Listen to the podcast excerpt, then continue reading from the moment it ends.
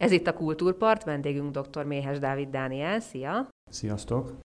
akivel a hagyatéki ügyintézésről fogunk beszélgetni, ami nem egy vidám téma, viszont előbb-utóbb sajnos mindenkit érinteni fog élete során, és azért jó, hogyha tisztában vagyunk vele, hogy milyen kötelezettségek és milyen jogok illetnek meg ilyenkor. Én arra kérlek, hogy abból az alaphelyzetből indítsuk ezt a beszélgetést, hogy mi történik akkor, amikor valaki akár kórházban, akár közúti balesetben meghal, és az örökösöket értesítik erről. Mi az első teendőnk ilyenkor? Igen, a hagyatéki eljárás szempontjából az első teendő az az, hogy a jegyzőnek bejelentjük, hogy elhunyt a hozzátartozónk.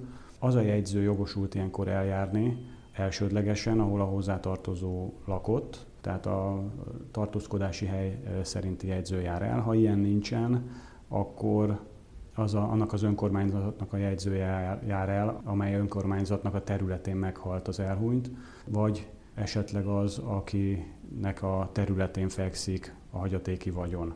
De az elsődleges az mindig a lakcím szerinti önkormányzat. A kórháznak milyen kötelezettsége van, kit kötelesek értesíteni, vagy a hatóságok? A kórház a hozzátartozót köteles értesíteni, a, és a kórháznak a zárójelentése alapján ez az eljárás már meg tud indulni. Bejelenti a hozzátartozó, hogy elhunyt a hozzátartozója, és ez alapján a jegyző megindítja az eljárást, feltérképezi, hogy milyen vagyona volt az elhunytnak, elkészíti a hagyatéki leltárt a saját maga eszközeivel, ezt követően kijelöli a közjegyzőt a területileg illetékes közjegyzők közül, és a közjegyzőnél szintén megindul a hagyatéki eljárás.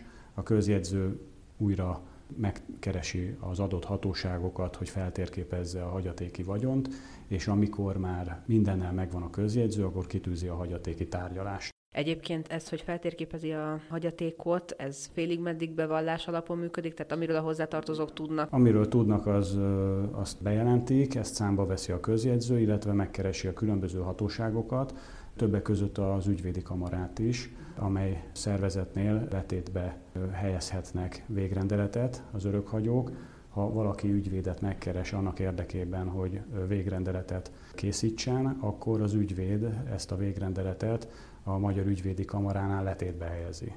És ezért minden hagyatéki eljárásban hivatalból megkeresi az ügyvédi kamarát a közjegyző, annak érdekében, hogy megtudja, hogy van-e a nyilvántartásban végrendelet. De azért ez egy nehéz ügy, hiszen ha csak a tárgyakra gondolunk, hát rengeteg olyan értéktárgy lehet, amiről lehet, hogy a rokonság sem tud, vagy esetleg nem tudják, hogy az sokat érhet. Az én tapasztalatom az, hogy a hagyatéki tárgyakat mondjuk, ami egy lakásban megtalálható, általában a bejelentésre veszik számba a hagyatéki eljárásban. Ha esetleg vita van, vagy ellentmondásos bejelentések, akkor az önkormányzat hagyatéki ügyintézője még az önkormányzati szakban kimehet helyszínre, és maga is elkészítheti a helyszínen a, a leltárt, illetve felveheti a hagyatéki vagyontárgyakat, és értékelheti is azokat.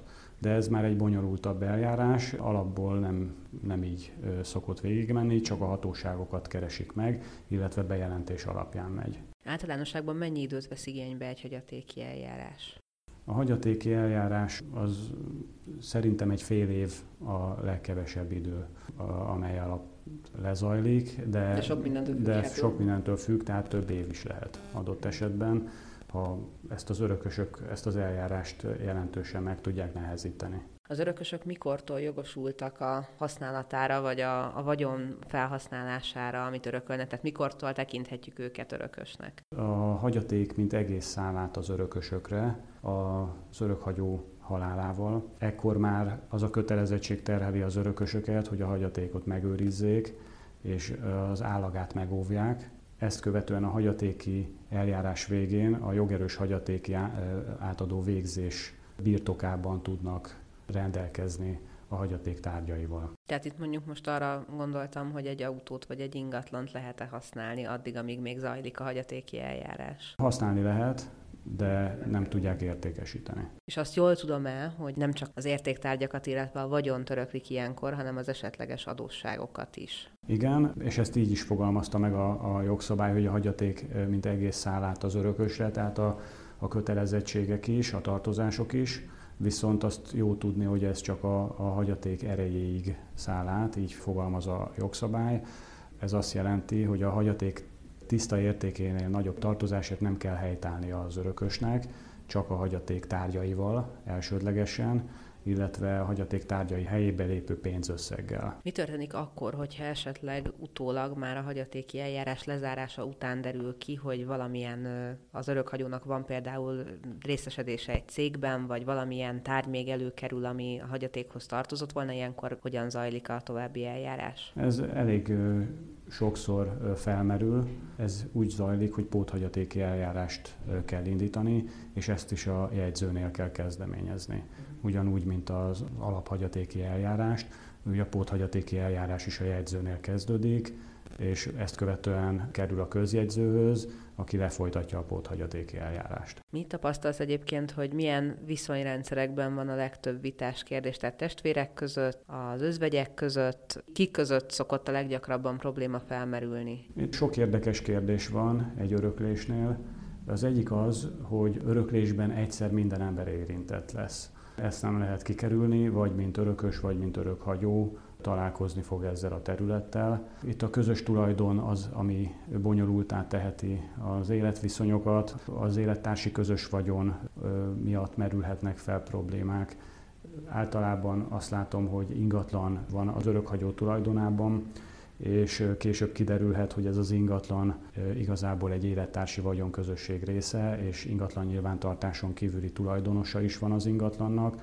Ilyen esetben az örökhagyó hagyatéki eljárásában az, az élettárs bejelenti ezt az igényét, és adott esetben, ha van konszenzus, akkor a, még a közjegyző a hagyatéki eljárás keretében az ingatlannak azt a részét, amire igényt tart az élettárs, át is adhatja az élettársnak, élettársi vagyonközösség jogcímén. Ez mit jelent, hogy az ingatlan nyilvántartáson kívüli tulajdonosa is van egy ingatlannak? Ez jellemzően pont ezekben az élettársi kapcsolatokban fordul elő, de az élet más területén is előjöhet. De hogy lesz így valaki tulajdonos? Tehát, hogyha mondjuk fizet az ingatlannal járó minden költséget ő is, akkor ez már feljogosítja arra, hogy ő Nem, jogot hát formáljon? éppenséggel egy háznál egy ráépítés, hogy mondjak egy példát, laknak együtt egy házban, majd ezt bővítik, hozzáépítenek, és ráépítéssel, mivel ketten építették, a, így az élettárs is tulajdon szerez, amit az ingatlan nyilvántartásban nem vezetnek át, mert e, emiatt külön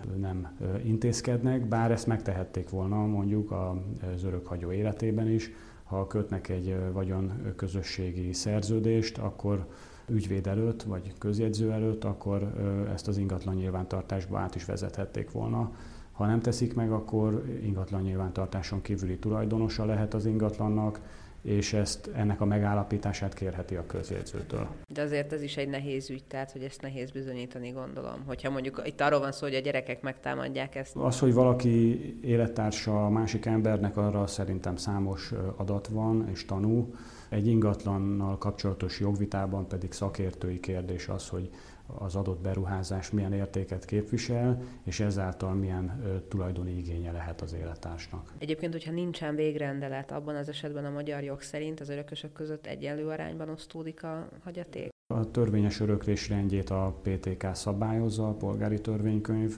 Elsődlegesen igen, a leszármazók egy, egymás között egyenlő arányban örökölnek. Ügyvédként mit javasolsz egyébként azoknak, akik szeretnének gondoskodni arról, hogy ne legyenek aztán vitás kérdések? Egyrészt mondjuk egy hitelfelvételnél mire kell szerinted figyelni, másrészt egy végrendeletet hogyan érdemes megírni? Igen, a végrendelet az fontos. Szerintem, ha valaki átgondolta, hogy mit szeretne csinálni a vagyonával, akkor érdemes elmenni szakemberhez, vagy egy ügyvédirodába, vagy egy közjegyzőhöz, és megkérni, hogy segítsen ebben.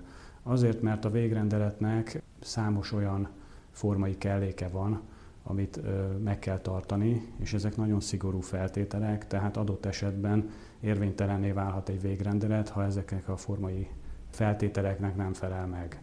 Ebben én azt gondolom, hogy szakember tud segíteni és mondjuk egy hitelfelvételnél pont amiatt, hogy a hagyaték során aztán ugye úgy lehet csak örökölni, hogy, hogy vagy mindent örököl az ember, vagy semmit, ott mire érdemes figyelni? Illetve ott milyen jogszabályok lépnek életbe? A hitelt, az örökös, a tartozásokat, azokat a hagyaték erejéig fizeti vissza, tehát ilyen mértékben köteles helytállni. A hitelfelvételnél így e tekintetben nem kell semmire figyelni, mert ezt az adott pénzintézet dönti el, hogy kinek ad hitelt és milyen feltételekkel, az örököst pedig csak ennyiben érinti ez a hitelfelvétel. Ugye azt említett, hogy a hagyaték erejéig köteles visszafizetni mindenféle adósságot az örökös. Hogyha itt arról van szó, hogy mondjuk nem pénzt örököl, hanem tárgyakat, ingatlant, autót, bármit, akkor ezeknek az értékét kihatározza meg. Elsődlegesen éppen ezért a hagyaték tárgyaival felel az örökös, ha ezeket eladja, mert megteheti a hagyaték átadó végzés birtokában, akkor olyan értéket kell megfizetni, amennyit, tehát a, a, a vételárat, amit kapott ezekért a vagyontárgyakért, azzal kell helytálnia. Hát itt is lehetnek problémák, mert adott esetben mondjuk a hagyatéki hitelezői igényt bejelentő lehet, hogy nem fogadja el a vételárat, akkor ebből adott esetben peres ügy is lehet, és szakértői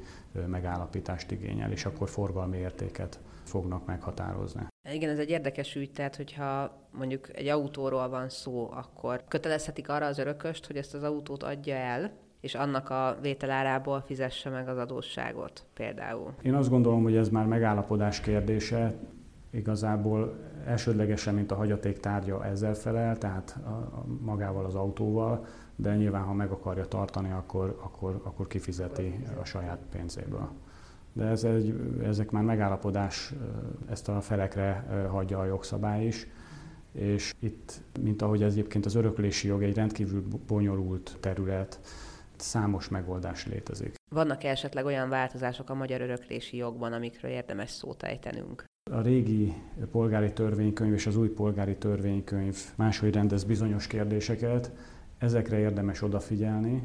Az egyik a köteles rész, ami a régi polgári törvénykönyvben, vagy a régi szabályozás szerint a rendes örökrésznek a fele volt. Ez ugye a köteles rész az azt jelenti, hogy ha végrendelettel mondjuk az örökhagyó nem a leszármazójának hagyja a vagyonát, és az örökös, vagy hát a leszármazó erre igényt tartana az öröklésre, akkor a köteles rész iránt igényt jelenthet be és a régi PTK hatája alatt ez a rendes örök részének az 50%-a volt, tehát amit örökölt volna, annak a fele. Az új PTK hatája alatt a rendes örök részének az egyharmada ennyiben változott, és éppen ezért, akinek van végrendelete, és mondjuk még a régi PTK hatája alatt készítette, annak érdemes ezt átgondolni, hogy mondjuk ezt a végrendeletet újra elkészítse, vagy sem, mert ez a köteles részt Azért ez is egy érdekes kérdés, igen, tehát hogyha arról van szó, hogy mondjuk valaki nem a, a saját leszármazottjának szeretné átadni például az ingatlanját, akkor ez azt jelenti a gyakorlatban, hogy ettől függetlenül a leszármazott az ingatlan egyharmadára például igényt tarthat, hogyha jól értem. Igen, igen. Ez egy nagyon régi jogintézmény, tehát meg is lehet érteni, de ugyanakkor, ha belegondolunk, az ember a saját tulajdonával egészen a halála, haláláig azt tesz, amit akar. És ha valaki megteheti azt, hogy a halála előtt 5 perccel mondjuk megsemmisítse az összes vagyonát, akkor miért ne rendelkezhetne arról, hogy az összes vagyonát Igen, tehát olyan, mintha a magyar jog egyébként mindenáron a leszármazottakat védené. Igen, de ugyanakkor én ezt is megértem, mert az is egy törekvés lehet a jogalkotó részéről, hogy akinek van vagyona, az gondoskodjon a leszármazóiról valamilyen szinten. Tehát ezeket persze mi nem tudjuk eldönteni, hogy most ez jó-e vagy rossz. Akkor ami változás történt még, az a házastársnak a jogállása az öröklésnél, ami szerintem komolyabb változás, hogy korábban haszonélvezeti joga volt, özvegyi joga volt a házastársnak az örökhagyót követően az örökhagyó teljes vagyonán. És ez különböző problémákat vetett fel. Megtörténhetett az is, hogy mondjuk az, az örökhagyó újra házasodott később és a, az újabb házasságában a házastársa lehet, hogy mondjuk sokkal fiatalabb, lehet, hogy annyi idős, mint pont az örökhagyó gyermekei, és ez azért vetett fel problémát, mert akkor a házastárs ugye haszonélvezeti jogot kapott, özvegyi jogot a teljes vagyonán, és adott esetben a gyereke lehet, hogy előbb halt meg, mint, mint a házastársa. Lehet, hogy ez is meghúzódik ennek a változás, tehát a változás mögött ez is benne van. Most jelenleg az özvegyi jog, tehát a haszonélvezeti jog, az kifejezetten csak az e közösen lakott lakásra vonatkozik, míg az örökhagyó más vagyontárgyaira egy gyerekrészt kaphat a házastárs. Tehát ennyiben változott. A másik a házastársnál szintén egy változás, ami a házastárs és a szülők, az, az örökhagyó szüleivel kapcsolatos, hogy a házastárs ugye a haszonélvezeti joga megmarad a közösen lakott lakásra, minden más vagyontárgyra viszont, ha nincsen leszármazója az örökhagyónak, akkor a szülők és a házastárs egy-ketted egy-ketted arányban örökölnek. Köszönöm szépen, hogy mindezt elmondtad nekünk. Dr. Méhes Dávid Dániel volt a vendégünk. Köszönöm szépen.